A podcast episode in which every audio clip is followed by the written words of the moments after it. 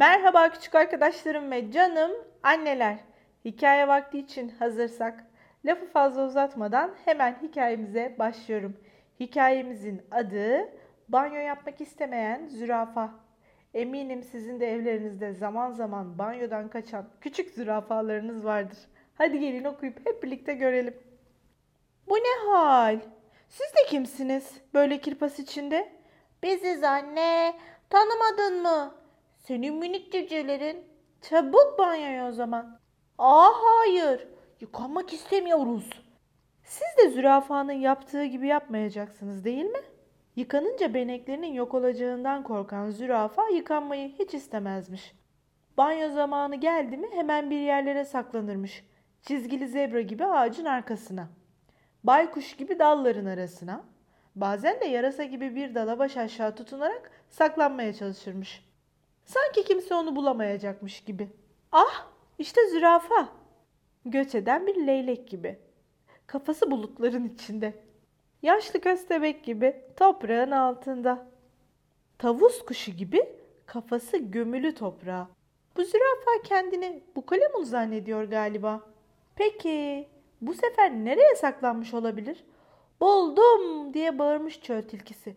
Kocaman kulakları sayesinde olmalı. Akıllı tilki. Peki ya siz zürafayı görebildiniz mi? Doğru banyoya seni bıyıklı zürafa demiş çita. Ama zürafa onu dinlememiş. Benim bıyıklarım yok. Beneklerim var. Beni yakalamak mı istiyorsun? Haydi yakala da görelim. Ve zürafa kaçmaya başlamış. Ne kovalamaca yavrularım. Sanki kum fırtınası çıkmış gibi her yer toz toprak olmuş. Zürafa gücü tükenince durmuş ve soluklanmış. Oh kurtuldum. Şimdi temizlenmem gerek. Şansına tam da ördeklerin göletinin kıyısındaymış. Suda kendini görünce kahverengi beneklerim. Beneklerim kaybolmuş olamaz. Sapsarı postuyla kaldığını görünce tekrar telaşla hop koşmaya başlamış. Koşmuş, koşmuş. Sonra tırmanmış, tırmanmış, tırmanmış. Tepeden aşağı inerken hop paldır küldür yuvarlanmış. Plaf! Domuz çamur havuzunun içine düşmüş ve beneklerim, beneklerim nereye gitti diye bağırmış. Olamaz. Başlamış kurbağa gibi sıçramaya. Boing, boing. Domuzcuğun renginden kurtulabilmek için zıplayıp durmuş. Pembeden değil tabii, kahverenginden. O da ne? Zürafayı bir sinek mi sokmuş? Zürafa fare gibi otların içinde yuvarlanmış. İpek maymunu gibi ağaçların üstünde tepinmiş.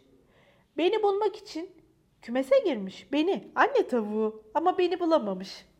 Sonunda ümitsizce açık görünce koca bir çeneyi kocaman bir mideye atıvermiş kendini. Su aygırının midesi mi yoksa boğa yılanının kimi? Yoksa zürafa senin midende mi anne? Daha neler? O zaman kurduğun kime? Hayır, zürafa bir balinanın midesine girmiş. İçerisi çok kalabalıkmış. Güzel sesli tukan kuşu, kaydırak yılan, havuzu kaplayan fil, kabarcıklar çıkaran timsah hepsi oradalarmış. Peki zürafa ne yapmış? Güzelce yıkanmış. Bravo sana ufaklık. Güzel bir banyoyu hak ettin. Haydi bakalım uykuya. Evet, zürafa en sonunda tertemiz olup yıkanmaya karar veriyor. Bugünlük de bu kadar demeden önce garip ama gerçek bilgilerin bir yenisini paylaşıyorum. Biliyor musunuz küçük arkadaşlarım?